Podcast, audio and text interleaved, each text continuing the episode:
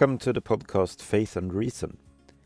Today's episode will be in English as we have an English speaking guest, namely Father Aidan Kimel, whose book Destined for Joy, The Gospel of Universal Salvation was the theme of episode 57. Välkommen till Tro och förnuft-podden. Dagens avsnitt kommer alltså att vara på engelska. We have divided our interview in two parts, the second of which will be published in two weeks' time from today.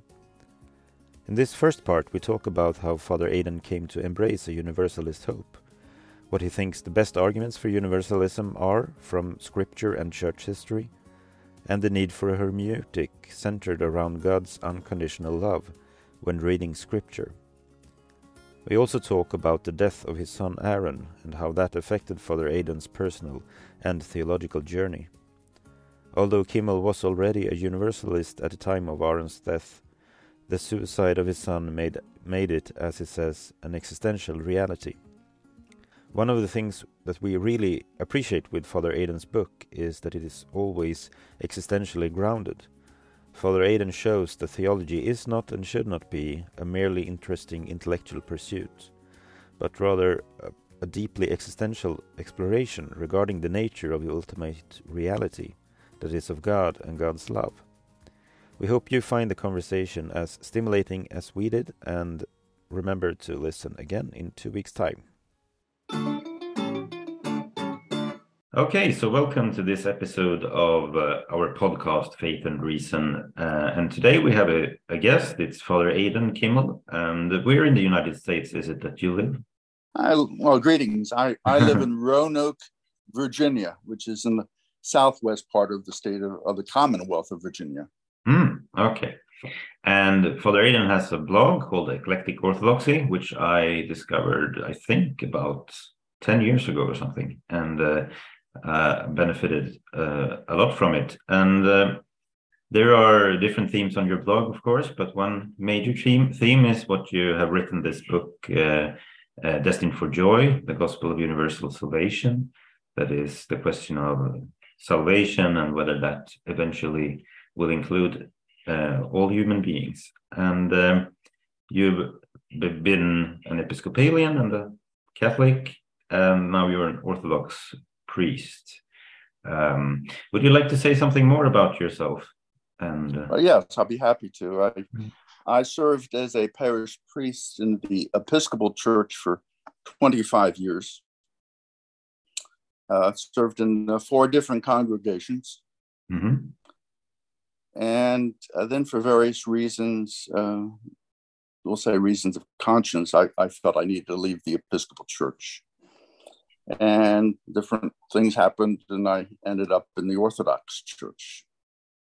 But what is um, perhaps uh, relevant to the um, to this whole topic is uh, I went to I went to seminary at uh, uh, place called Nashotah House in Wisconsin. And there I discovered, of all, this is an Anglo Catholic uh, seminary, but I discovered uh, the Reformation.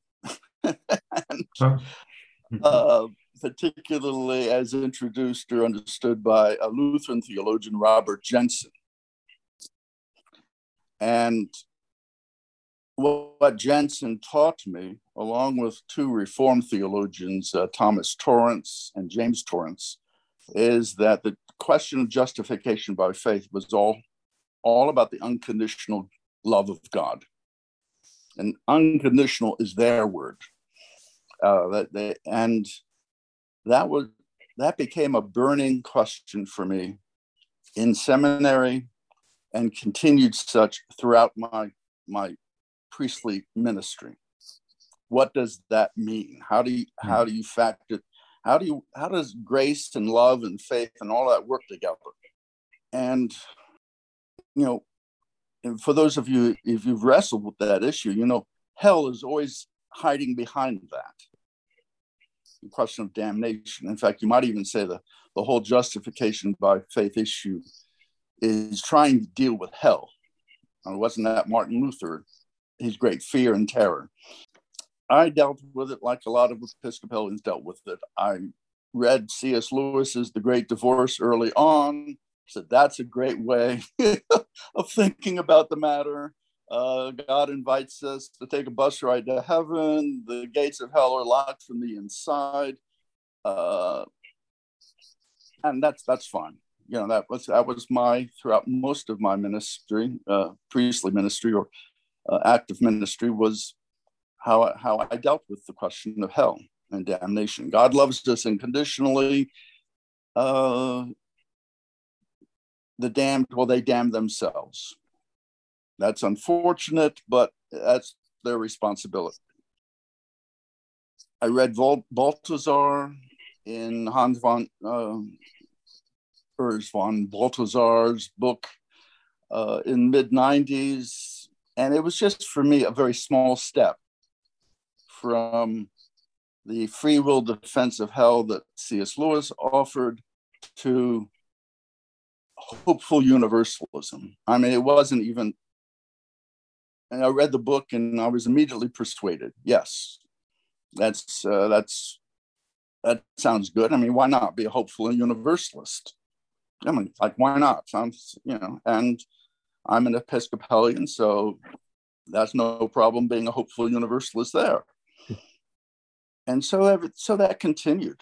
Uh, and even when I you know left the Episcopal Church, I continued in my hopeful universalism. Of course, if I'm not, I wasn't actively preaching then after I left the, the Episcopal Church, so it wasn't it wasn't a matter of anybody else's concern. In 2011, though, uh, I read a book by Thomas Talbott the inescapable love of God. He's a an American Protestant, uh, evangelical tradition, uh, analytic philosopher, and he presents very carefully a case for universal salvation. And perhaps we'll come come back to that his arguments that I found persuasive, but it was like, yes, I, that's what I want to believe.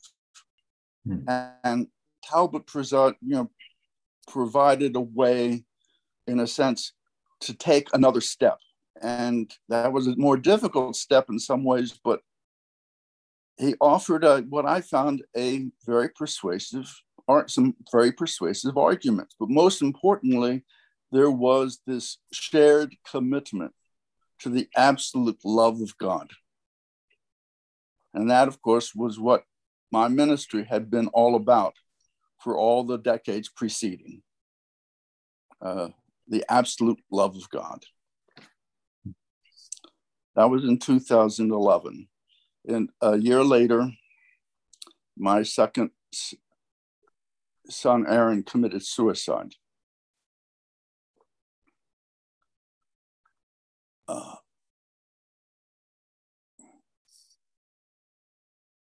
I preached at his funeral.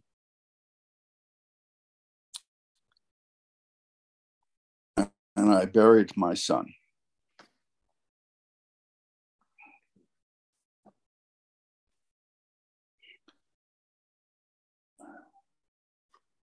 I had already made the intellectual step into universal salvation. That was just my private opinion at the time. But until Aaron's death, it became an existential reality in my life. Uh, Aaron's death devastated my wife and me. And uh, a few months later, I decided I, for my sanity's sake, I had to start blogging. I was reading church fathers. I'd become Orthodox a year before. And I thought, well, I'll, I'll just continue reading and I'll blog on the church fathers. So if you've, you know, uh, first few months I blogged on St. Gregory of Nazianzus, but eventually I, in early of 2013, I started blogging on St. Isaac the Syrian and his universalist convictions. And suddenly I got an explosion of hits. People apparently were not familiar or acquainted with Isaac, St. Isaac's uh, universalist convictions. He's very, he's a very much beloved saint in Orthodoxy, but at that time, people in Orthodoxy were not aware of that he was also a universalist. And I continued to read on the subject and I started blogging more frequently on, on universalism. That became the dominant theme and topic of my blog. And that went on for 10 years. And then I decided I need to pull together my favorite articles on that subject and make it into a book. And I guess that's why we're having this interview. yeah. Thank you for for doing that. And uh, thanks for that summary of the of your theological journey here in this in these matters. And that uh, that's um, one of the reasons uh, we chose your book was that it's very clear that it's a very existential uh, approach that you have to theology, and it's not only an abstract speculation, and it's also not a sort of a question. Your question is not uh, who is the smartest, but what's the character of of, of God and the, the world we live right. in. So that's exactly right. Yeah, yeah. So that's that's one of the things which really come through in your book, um, and that's uh, very healthy for theology, I think. Um, thank so thank. Hmm. Um, we have some questions, and we will not probably be able to go through all of them, I think. Um, but uh, you've also answered answered some, some some some of them. Yeah, we shall fire away. Um, I'm not quite sure where to start, but one possible place to start maybe is is the following. I, I was struck by how different the vision becomes of God's project in the world and God's relationship to the world within this universalist framework because in I suppose there's a sort of a dynamic between the evangelical and the liberal uh, strands of uh, Protestant Christianity, which don't quite capture your vision, in my view. And um, I'll try to explain what I mean. Uh, sometimes it can be a dynamic in, in the following that the evangelical church or the more conservative evangelicals say that um, they, they stress God's uh, punishment quite uh, strongly, whereas the liberals say no, you don't have to bother about that, and then it becomes a bit like, doesn't God have any any message to to you for the liberal? It's just God leaving everything as it is, so to speak. But that's not what your vision entails. So my question is is that it's a bit sad to me that if we take this focus on um, that the role the, the role of Christianity is to help people to escape God's punishment. Um, that's a bit um, that's a bit sad in a way, and um, because I take that your vision is that we should become more open to to God and God's love, and it's it's not like God is just saying there's no you don't need to be go around and be scared of hell, but I don't have any, anything else to say to you, so to speak.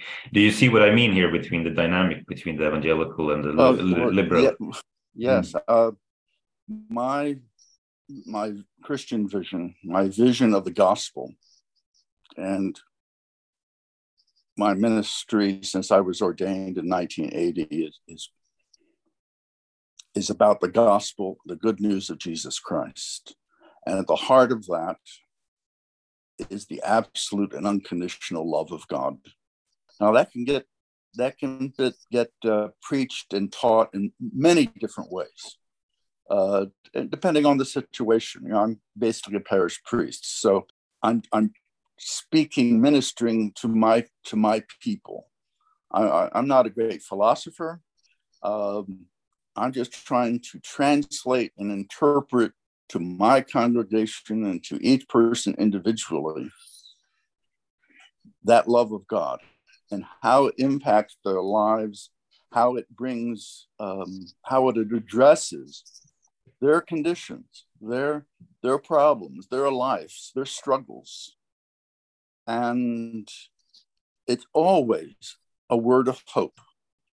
Uh, it's always a conviction that God is present in our lives in creative, wonderful ways, um, especially when we cannot see Him or feel Him. Uh, that was always, you know, my task as the preacher to try to, and of course that that I'm always starting with me. you know, I'm always preaching out of my my own soul and heart as I wrestle with that too. But it's the love of God, the love of Jesus Christ, crucified and risen.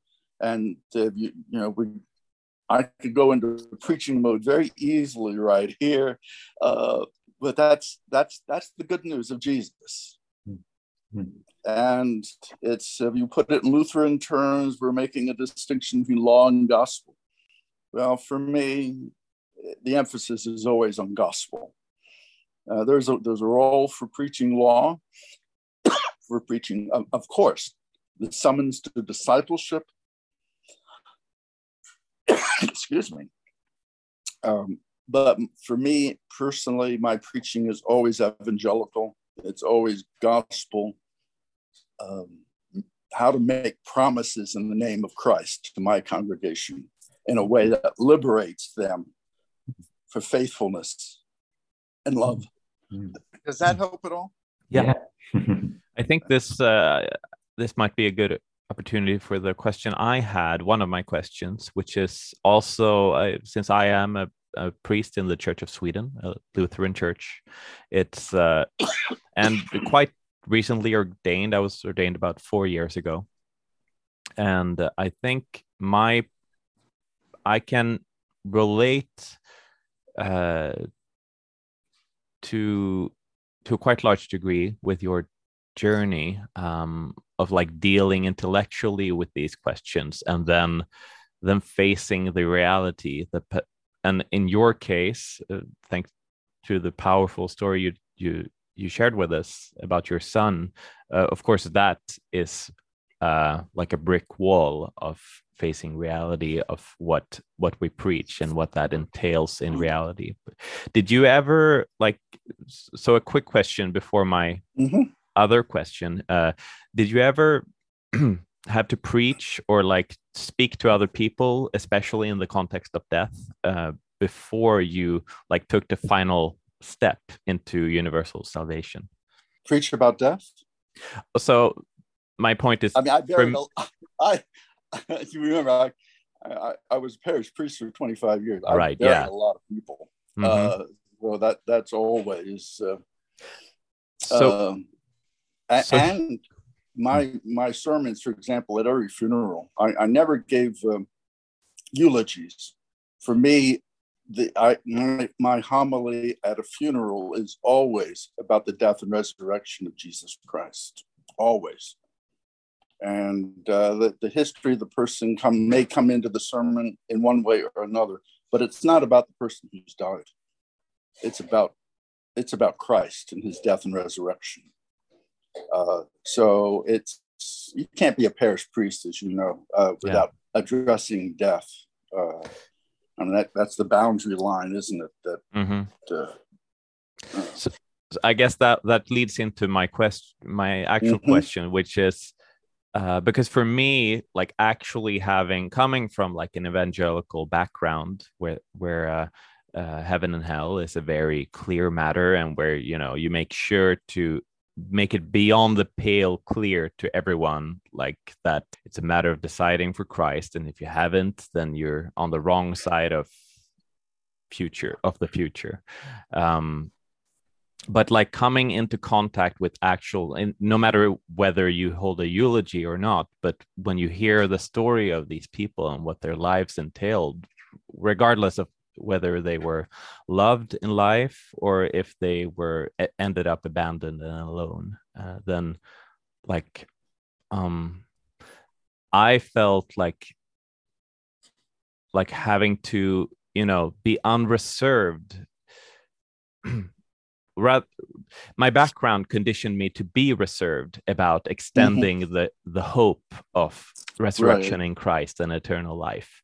But I feel like like it just didn't rhyme with what I felt was like the the the impulse towards compassion with these people and what they've been through in their lives. Is that do you understand like did that uh, ever yeah, bother yes, you right. during those 25 years? You know it, robert Jenson here uh, had a profound impact on me and i had the privilege of of studying with him uh, for several years. Uh, i was in a parish in maryland and during that time i would uh, drive up to Gettysburg, where he taught at the Lutheran Seminary there, and I would work with him on on uh, um, an STM degree, and I attended his seminars and so forth. Uh, his approach guided me in terms of my preaching, my teaching, my ministry, and that is the task of the preacher of the is to speak gospel and what he means by that is to speak gospel in a mode of unconditional promise. That's a very bold understanding of preaching and, and catechesis because it allows me, you know, he was, you are authorized now to speak to your congregation in the name of Jesus Christ. Jesus has died for you. He's risen into glory for you, and your life is good. This is not conditional on your performance here. This is, it is precisely that word of promise that evokes the possibility of faith from you, from the hearer. So that's how I always, um, in my ministry, attempted to preach, to speak the gospel in such a way that it opens up the possibility of faith and hope and love. And yes, there are times for the direct call to conversion. I mean, I can be as evangelical as the next person in that way, you know. I mean, come to Jesus moments, but uh, but I hope it's always framed within a context of God's absolute love and it's that absolute love that authorizes the Christian to speak powerful words, prophetic words of promise. And you know, I would say to you, my friend, is do that in your ministry. You're just beginning here. You know, don't be afraid. It's not. It's not a. Put aside the revivalist preaching you're probably raised in, and come at it you know, the gospel in, in such a powerful way that it's a transformative word that changes people's lives.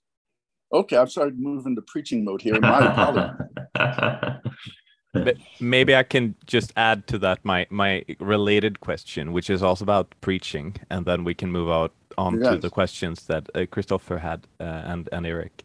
Um, I um, you know when uh, as uh, a preacher in an in a liturgical setting and in in the mm-hmm. historic churches such as the Episcopal, the Orthodox, the Catholic, and the Lutheran Church, we we follow the church year and we tend to preach from the Gospels.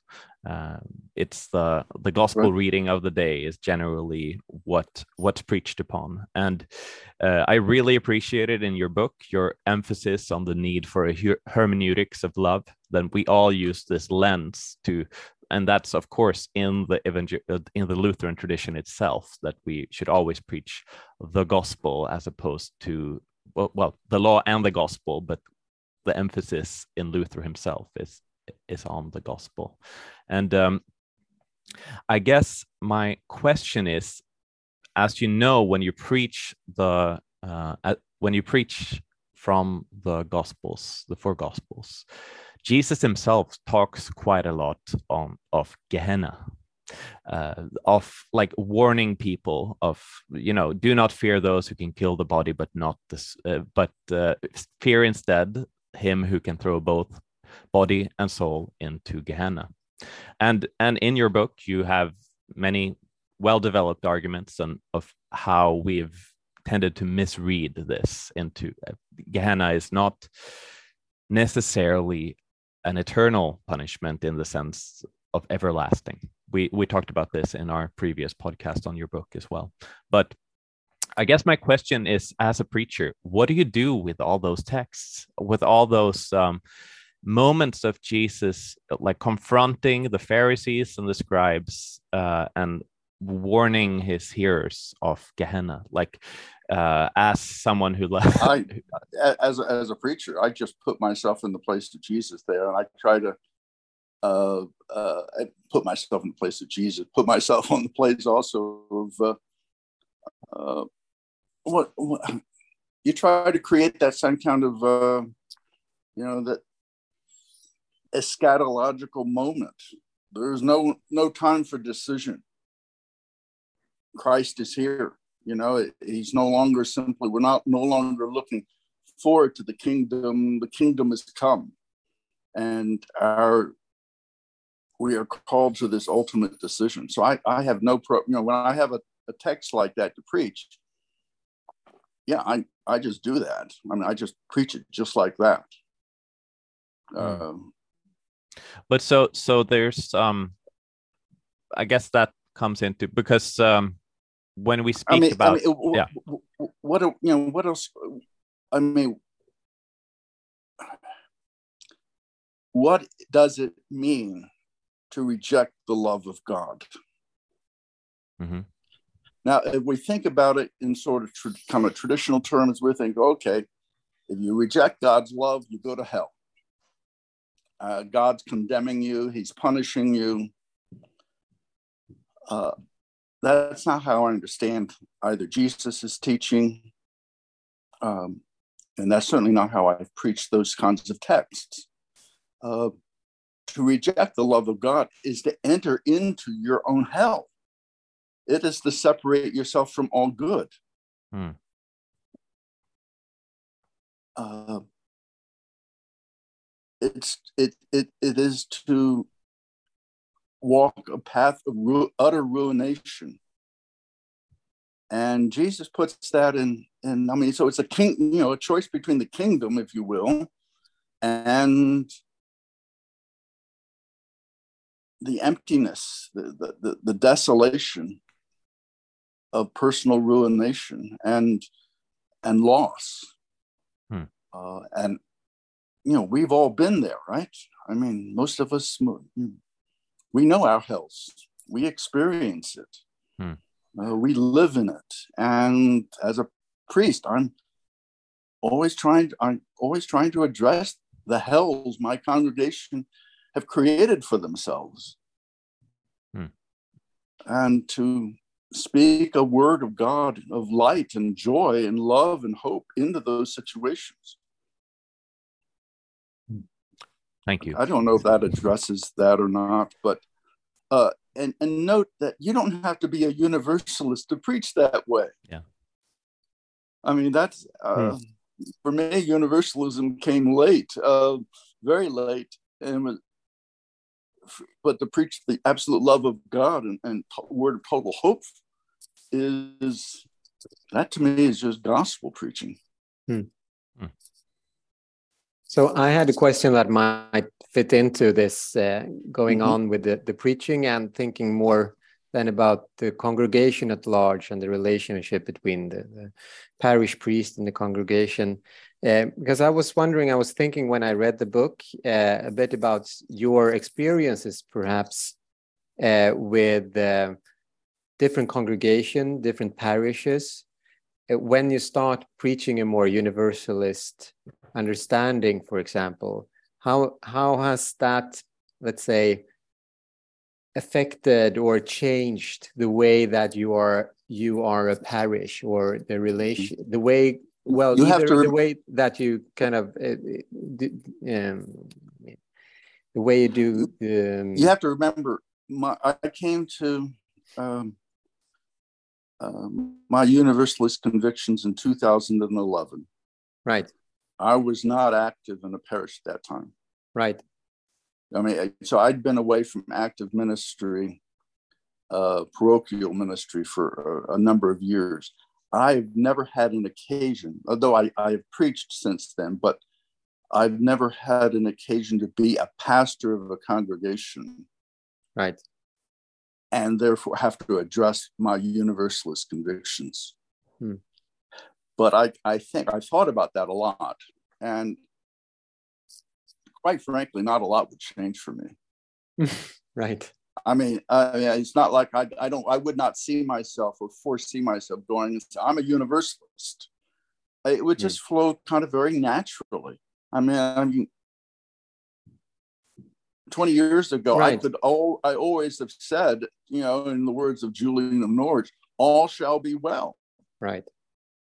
I mean, that's, I learned that from Robert Jenson, And so right. that's, you know, so, so that's not, you know, that's, that's interesting. I don't see a problem there. It, it's just like I, I, if you think about well, okay, how do I how do I come into a congregation now as a universalist? I said, no, you've got you're thinking of, about it wrong.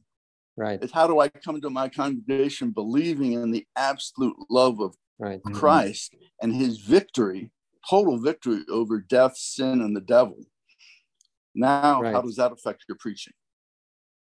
Hmm. in a sense it, it, would it be fair you think to say i mean when when you present it now and in the book it's like you've had a praxis that that has sought its theory in a sense and you found the th kind of theory or the the more theoretical view in 2011 but that kind of incorporated the way that you had practiced yeah yeah your... right it was all very logical right. in one sense at that time you know it just like yeah um, of course, the you know, universalism has to be true. Right. I mean, I've yeah. always, in a sense, have always believed that implicitly, but never right had an had a good rationale to justify that. Exactly. Right. Hmm. And by the way, I don't think that that's a bad way. I mean, it, it could go either way, from theory to praxis, or it could go mm-hmm. from even more often, and perhaps that's a better way, even from praxis to to to like let's say theory if you if one wants to thematize it right way. right. it's, it's, really interesting. Yeah. Yeah. Hmm.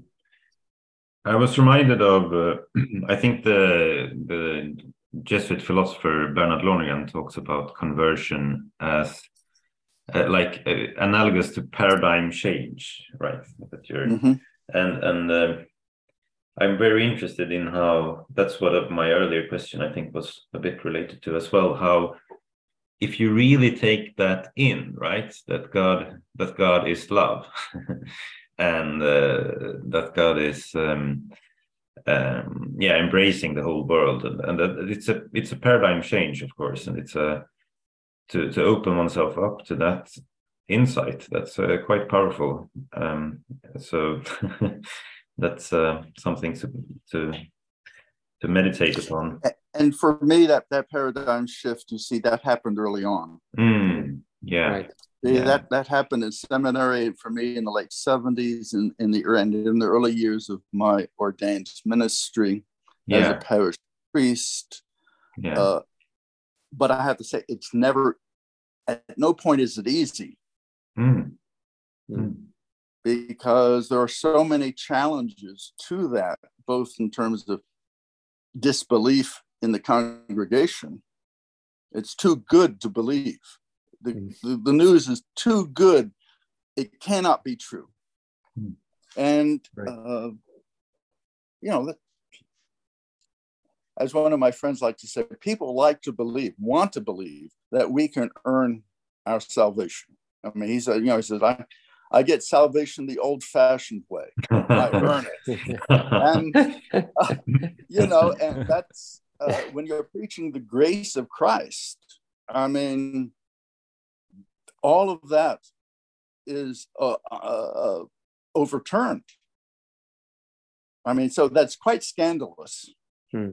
And uh, you don't have to. So you don't have to be a universalist to scandalize people with the love of Christ you know, you, and uh, the preacher looks for opportunities to scandalize the congregation with the free grace of Christ.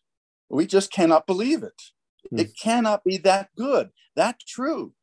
Father Kimel, please tell me, you know, explain this to me, you know, and uh, oh, and always we'd come back. Well, what about hell? You know, and, and things. But what are the consequences of disbelief? And what if I'm a wicked person? What about Adolf Hitler? You know, how can you tell me that Christ loves Adolf Hitler? Are we, going, are we going to get into universalism at any point, gentlemen? Yeah. Uh, did, did you think we haven't touched upon it, or? well, I guess we have, but uh, you know, but you know, I have okay. I have one other question I, I would like uh-huh. to ask, and it's about the, the category of say culpable moral wrongdoing, which I think yeah, that that that was an interesting thing, and I and and, and your concern is that that is that the greater hope that the universalist position undermines culpability. Uh, yeah, in, in basically it irrelevant. Uh, or maybe I mean, I mean, I, I basically am very sympathetic to this analysis of uh, the human will as mm-hmm. oriented towards the good, and uh, right. Uh, so I, I, agree about that. But I still think that uh, the category of, of culpable moral moral wrongdoing at least as I understand it, it, is is important to keep, uh, and uh, that we're not just confused, maybe, or or something uh, like that. So, so I have bad news for you. Uh-huh. Mm. Maybe I should put the uh-huh. question so no, that it's recordable. I have, I, have really bad, I have bad news because I'm going to tell you right off. God's love is free. Yes, I and I, that, I agree. And, and, that, and that at that point, once I say that to you, mm-hmm. I mean uh, that totally undermines the whole question of rewards and punishment and desserts and culpability. Okay, but I, I mean, think God is not interested in being, you know, at, at this level of, of, of analysis, mm-hmm. at the final deep theological level, He's not interested in assigning culpability and responsibility. We're we're interested in that. Yeah. We're interested in that in life, whether in business, in family, in in uh, education, and particularly the criminal system. Finding culpability, assigning culpability, responsibility, that's all very important. Mm-hmm. But at the final judgment, that's irrelevant.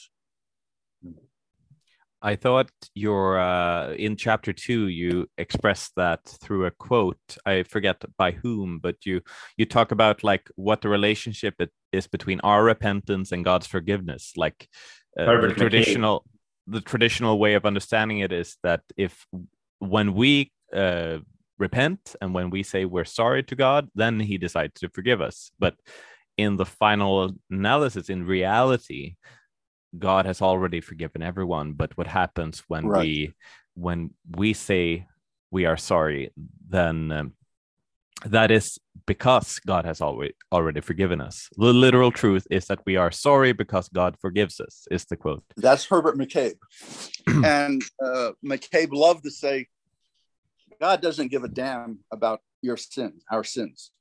We're the ones who give the damn." And uh, he's Catholic.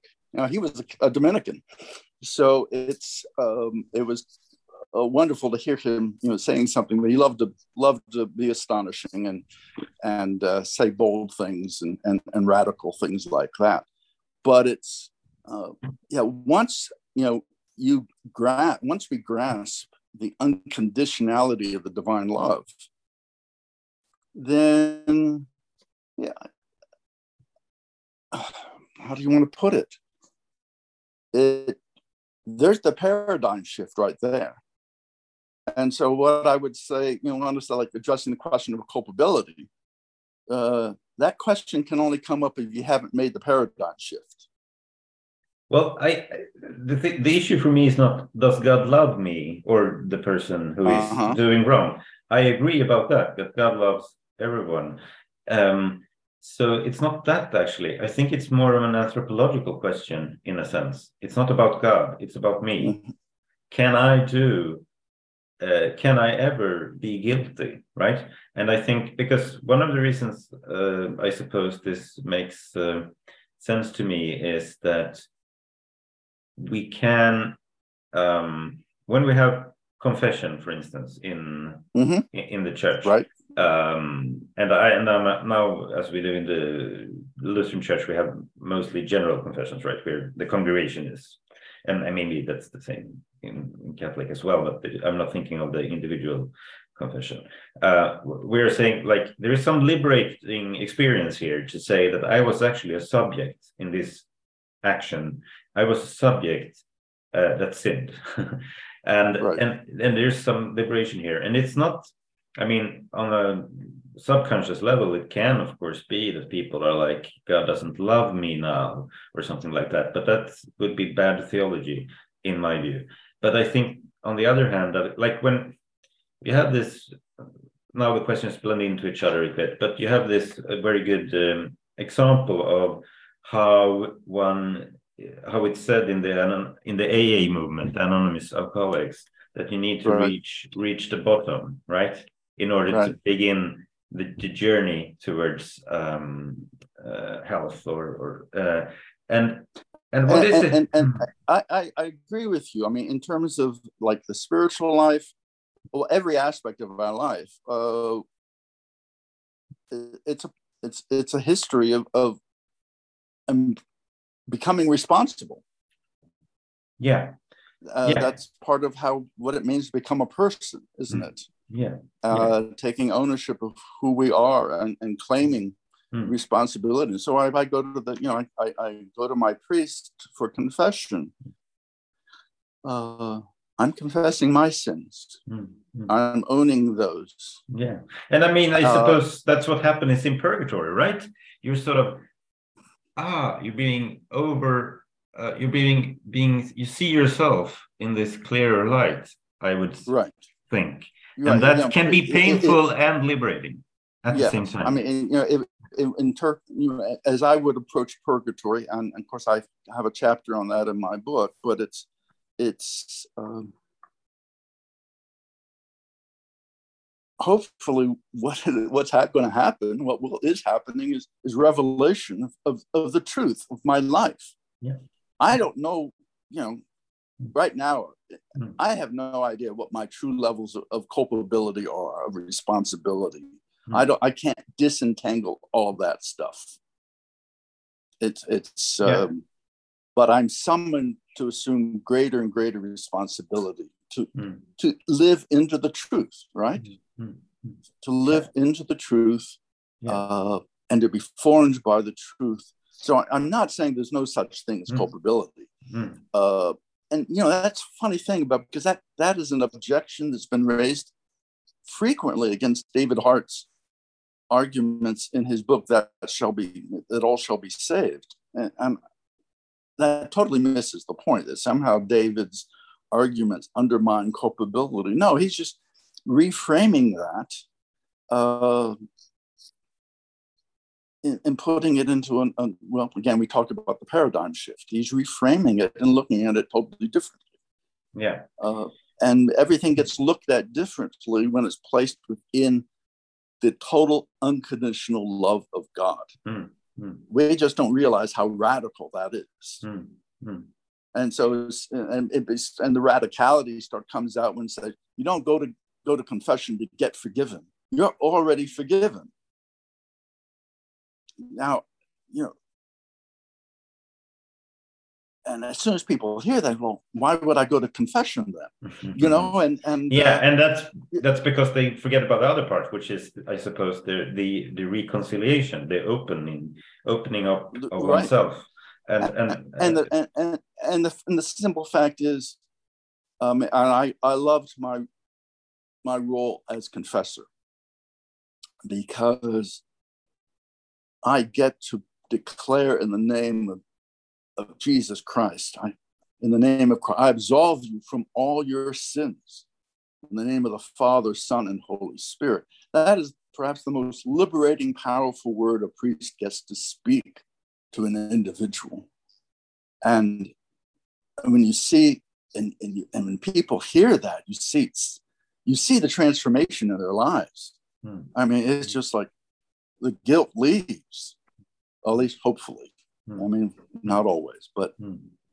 in many cases, yes. And it's, um, I sort of, if I were to summarize uh, your vision here, or, um, or, or the hope, the bigger hope vision, it's that, yeah, that God will, God's patience is a bit bigger than ours. Right? so I guess uh, hmm. In, in culpability, what I would uh, uh, say to you is think about it. How does culpability change when it is reframed within the unconditional grace of Christ. Mm. Yeah, yeah, and That's... and start start uh, Work working that out in your theological reflection there, and in your anthropological reflection. Yeah. How does that change when it's placed within that wider context? Mm. Yeah, that's a good. Uh, it, it, it doesn't go away, obviously. Yes. Okay. Um, maybe it's time to move on to uh, three questions uh, regarding arguments for universalism. If, um, and uh, so we have three questions here, and, and um, I'm not sure which order you would like to take them, but uh, um, one question would be the best argument from church history for universalism. Um, one philosophical argument best philosophical argument for universalism and biblical argument for universalism. Well, let's We're, start with scripture. Yeah, that, that, because that's the most. Uh, in some ways, that's the most difficult. Mm. Um, and I, let me explain that because I remember, and this would have been in the '80s. Uh, I went uh, visited Robert Jenson at his office, and I had these questions that I've been wanting to ask him. And one of one of the questions was, how do you how can you believe that God's love is truly unconditional, given all the judgment stories that we see in Scripture? And he smiled and he said, Al, go back and read your Bible. Well, I didn't find that a very helpful answer. and it took me a, a long time to understand that he was inviting me to read my Bible in a very different way. Um, he's talking about adopting a new hermeneutic. And how do you come to that new hermeneutic? You know, that's, that, I don't know how to articulate that. I mean, we, we, we can say we come to it interpret scripture through Christ, and we have a very Christological approach on that, but that still doesn't answer my question Is God absolute love? And I have, you can, everybody has their text that they want to privilege. And so I I come to scripture and I, I believe that Jesus Christ ha- is teaching me that God is absolute, unconditional, infinite love. Now, where do I see evidences of that? First thing I do is I'm going to point to the parables, particularly the parables. My favorite, three favorite are in Luke 15. Parable of the Good Shepherd, the parable of the, uh, the woman and the lost coin, and the parable of the prodigal son. Uh, we could spend a whole session just talking about those three parables. Uh, I preached on them a lot during my active time in, in the ministry. Uh, I mean, look at the Good Shepherd. What does he do? He, uh, he abandons his flock to go search for that one lost sheep. And he will does not will not return home until he has found it and he puts it on his shoulders and comes back and restores it to his flock. And you go on and on. I guess what you know, in one sense, when I look at scripture, I go, just try it on, if you will. Try on the universalism you know, just let's pretend for a moment that universalism is true. Now go back and read your New Testament. can you make sense of it if universalism is true? And I, I think the parables of Jesus take on a, a very different reading. Uh, Jesus' ministry to the outcasts, uh, his table fellowship. He just invites sinners, incorrigible sinners. Zacchaeus being perhaps the most famous, and of course, Matthew, uh, to come and just join them at, at table. Uh, and of course, for, for Jesus, to eat together is to share in his kingdom that he's come to you know to declare. Uh, he, he, one can make an argument he, that he invites people to have dinner with him before repentance. He just issues, you know, Zacchaeus, I'm going to come dine with you tonight. Just as you are. And that and that is his that is Zacchaeus's uh, conversion right there. Uh, that encounter with with Christ and Christ bringing the kingdom to him. Um, I I would find a, a, universalist hope in passages like that. Hmm. And then, of course, in uh, St. Paul, in, particularly. Uh, read Romans 5 as and, and, pretend for a moment that, that Paul is a universalist, and then read Romans 5. Uh, and you can find uh, plenty of other verses, but so can those who believe in hell. We all, we all, we all have our favorite verses, and we all privilege them in the way we interpret Scripture. Um, I have a question here. Would you say that um, just as we think that there is sort of a progressive revelation within Scripture, at least that's a way which I tend to think, and it's a common understanding that there is a development in the understanding of of God um, in Scripture.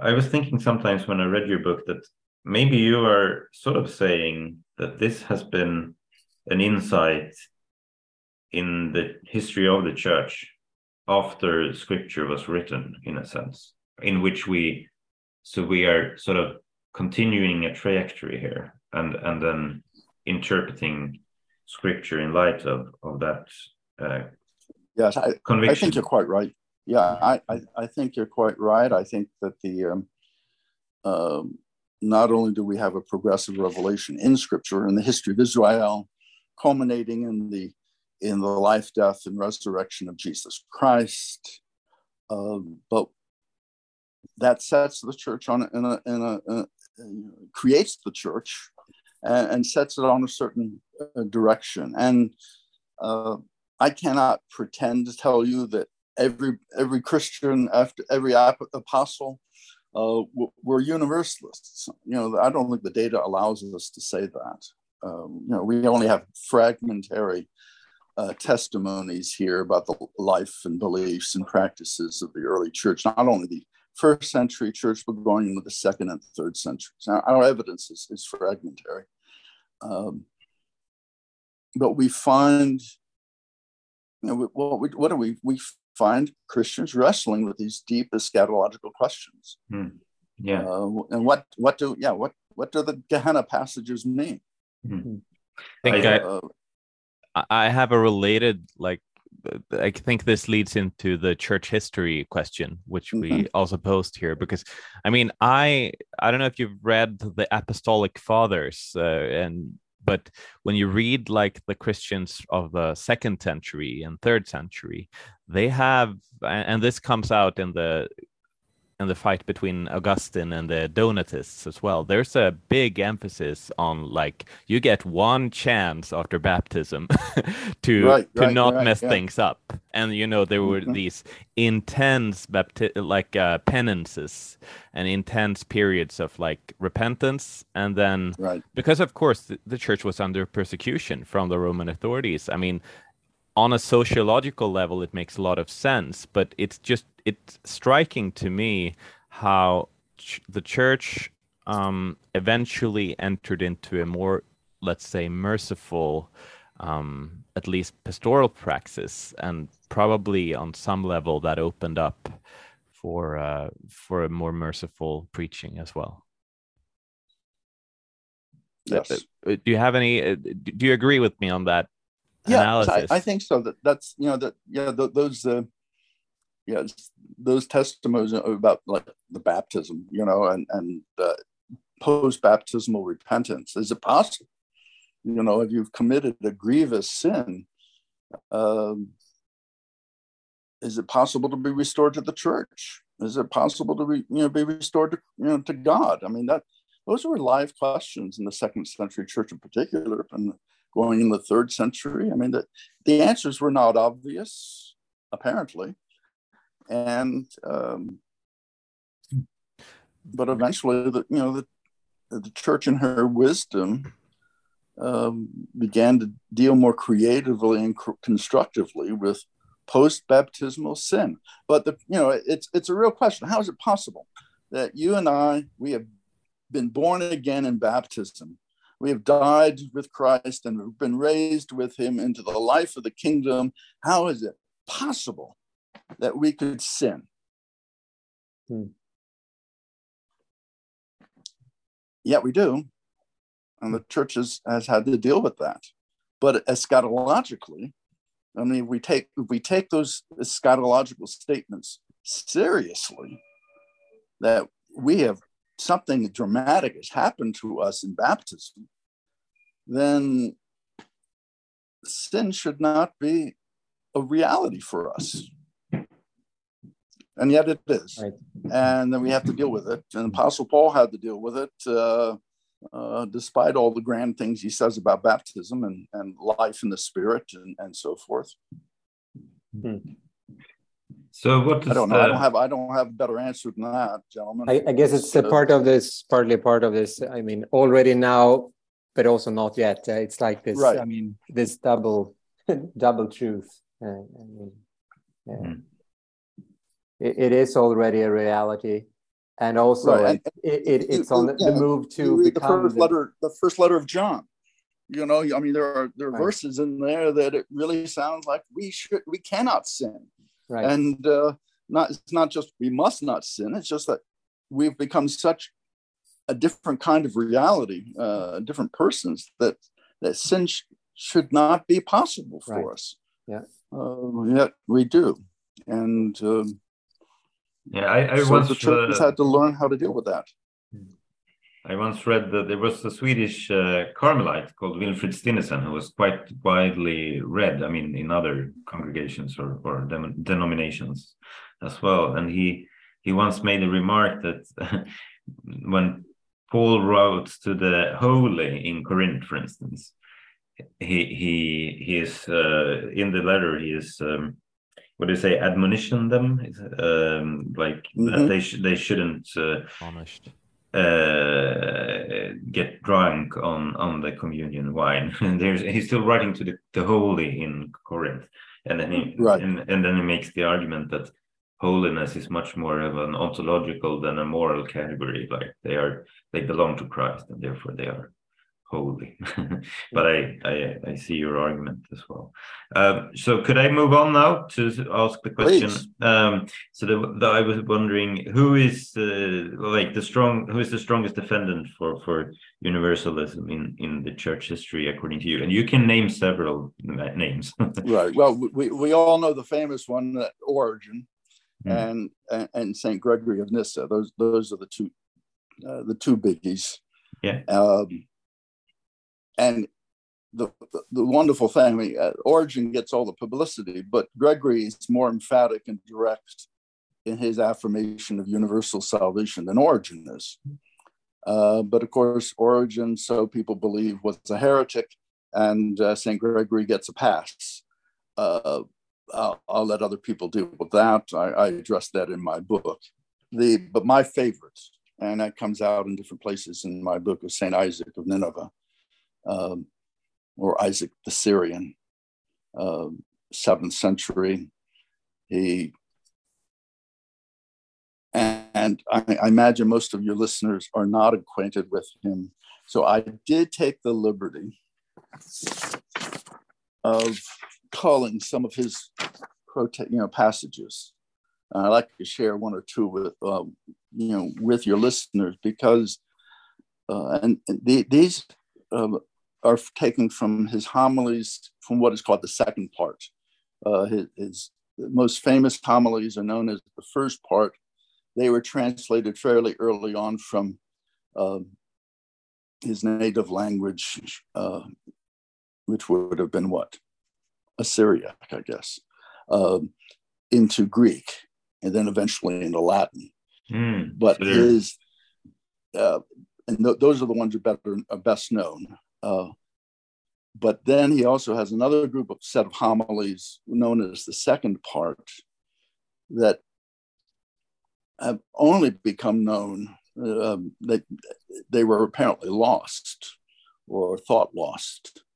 And um, but then um, copies were a copy was discovered by uh, Sebastian Brock back in the 80s in, in the Oxford Library and uh, that got translated. And it's in those the second part where he devotes attention uh, to eschatological themes, and that's where he develops and presents his universalist convictions. Now, the, the thing, to, and what I what I love about Isaac, number one, he is fierce uh, in his declaration of the love of God. I mean, he's very evangelical in that, more so than say Gregory of Nyssa or or or Origen. And both of them believe in the love of God, uh, but Isaac is passionate about it, uh, and I guess uh, that's why I, I love him. Um, uh, for Isaac, there is no such thing as retrib- retributive justice. God does not punish. Uh, if, if he punishes, it's always remedial. Its intent is to convert, to heal, to change, uh, to, but it, it's it's not punishment for punishment's sake. It's not punishment uh, for um, no, it's not it's not retributive. Uh, Isaac is famous for saying, "Do not call God just." Because he has not treated you according to justice. Um, and then, um, and so when uh, when when when when uh, Isaac talks about Gehenna, and, and he does, um, he rejects the idea of an eternal Gehenna and he uh, quote it is not the way of the compassionate maker to create rational beings in order to deliver them over mercilessly to unending affliction and punishment for things of which he knew even before they were fashioned, aware how they could turn out when he created them, and whom nevertheless he created end quote. He's appalled by the idea, and obviously this was a teaching that he had to deal with in his, in, in his day, the idea of an everlasting hell. I mean, God would not have created the universe knowing that a portion of his rational hmm. beings hmm. would end up in hell. That would never have happened. He cannot conceive of that. Hmm. A comment yeah. here. I, I think it's interesting to think of the parables now of the Good Shepherd, for instance. Mm-hmm. Uh, because sometimes you get this argument that God has made sort of a calculation that a lot of people will choose him at least, but some some may not. But on the overall, the scale the scales are are, are are are in a good way, and I think the logic of the those uh, parables which you took uh, you mentioned earlier sort of undermines that argument. Absolutely. I mean, I mean, and and it's uh, yeah. I mean, it, if I'm preaching those parables in particular, that good shepherd's not coming home until he finds the lost sheep.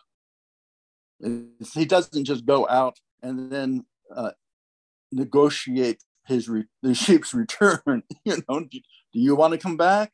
Do you want to be found, um, or or whatever? I mean, he, the good shepherd, finds the sheep and restores that lost sheep to the flock. Hmm. That woman, the old woman, turns her house upside down until she finds that last coin. And the father is always waiting for his son to return.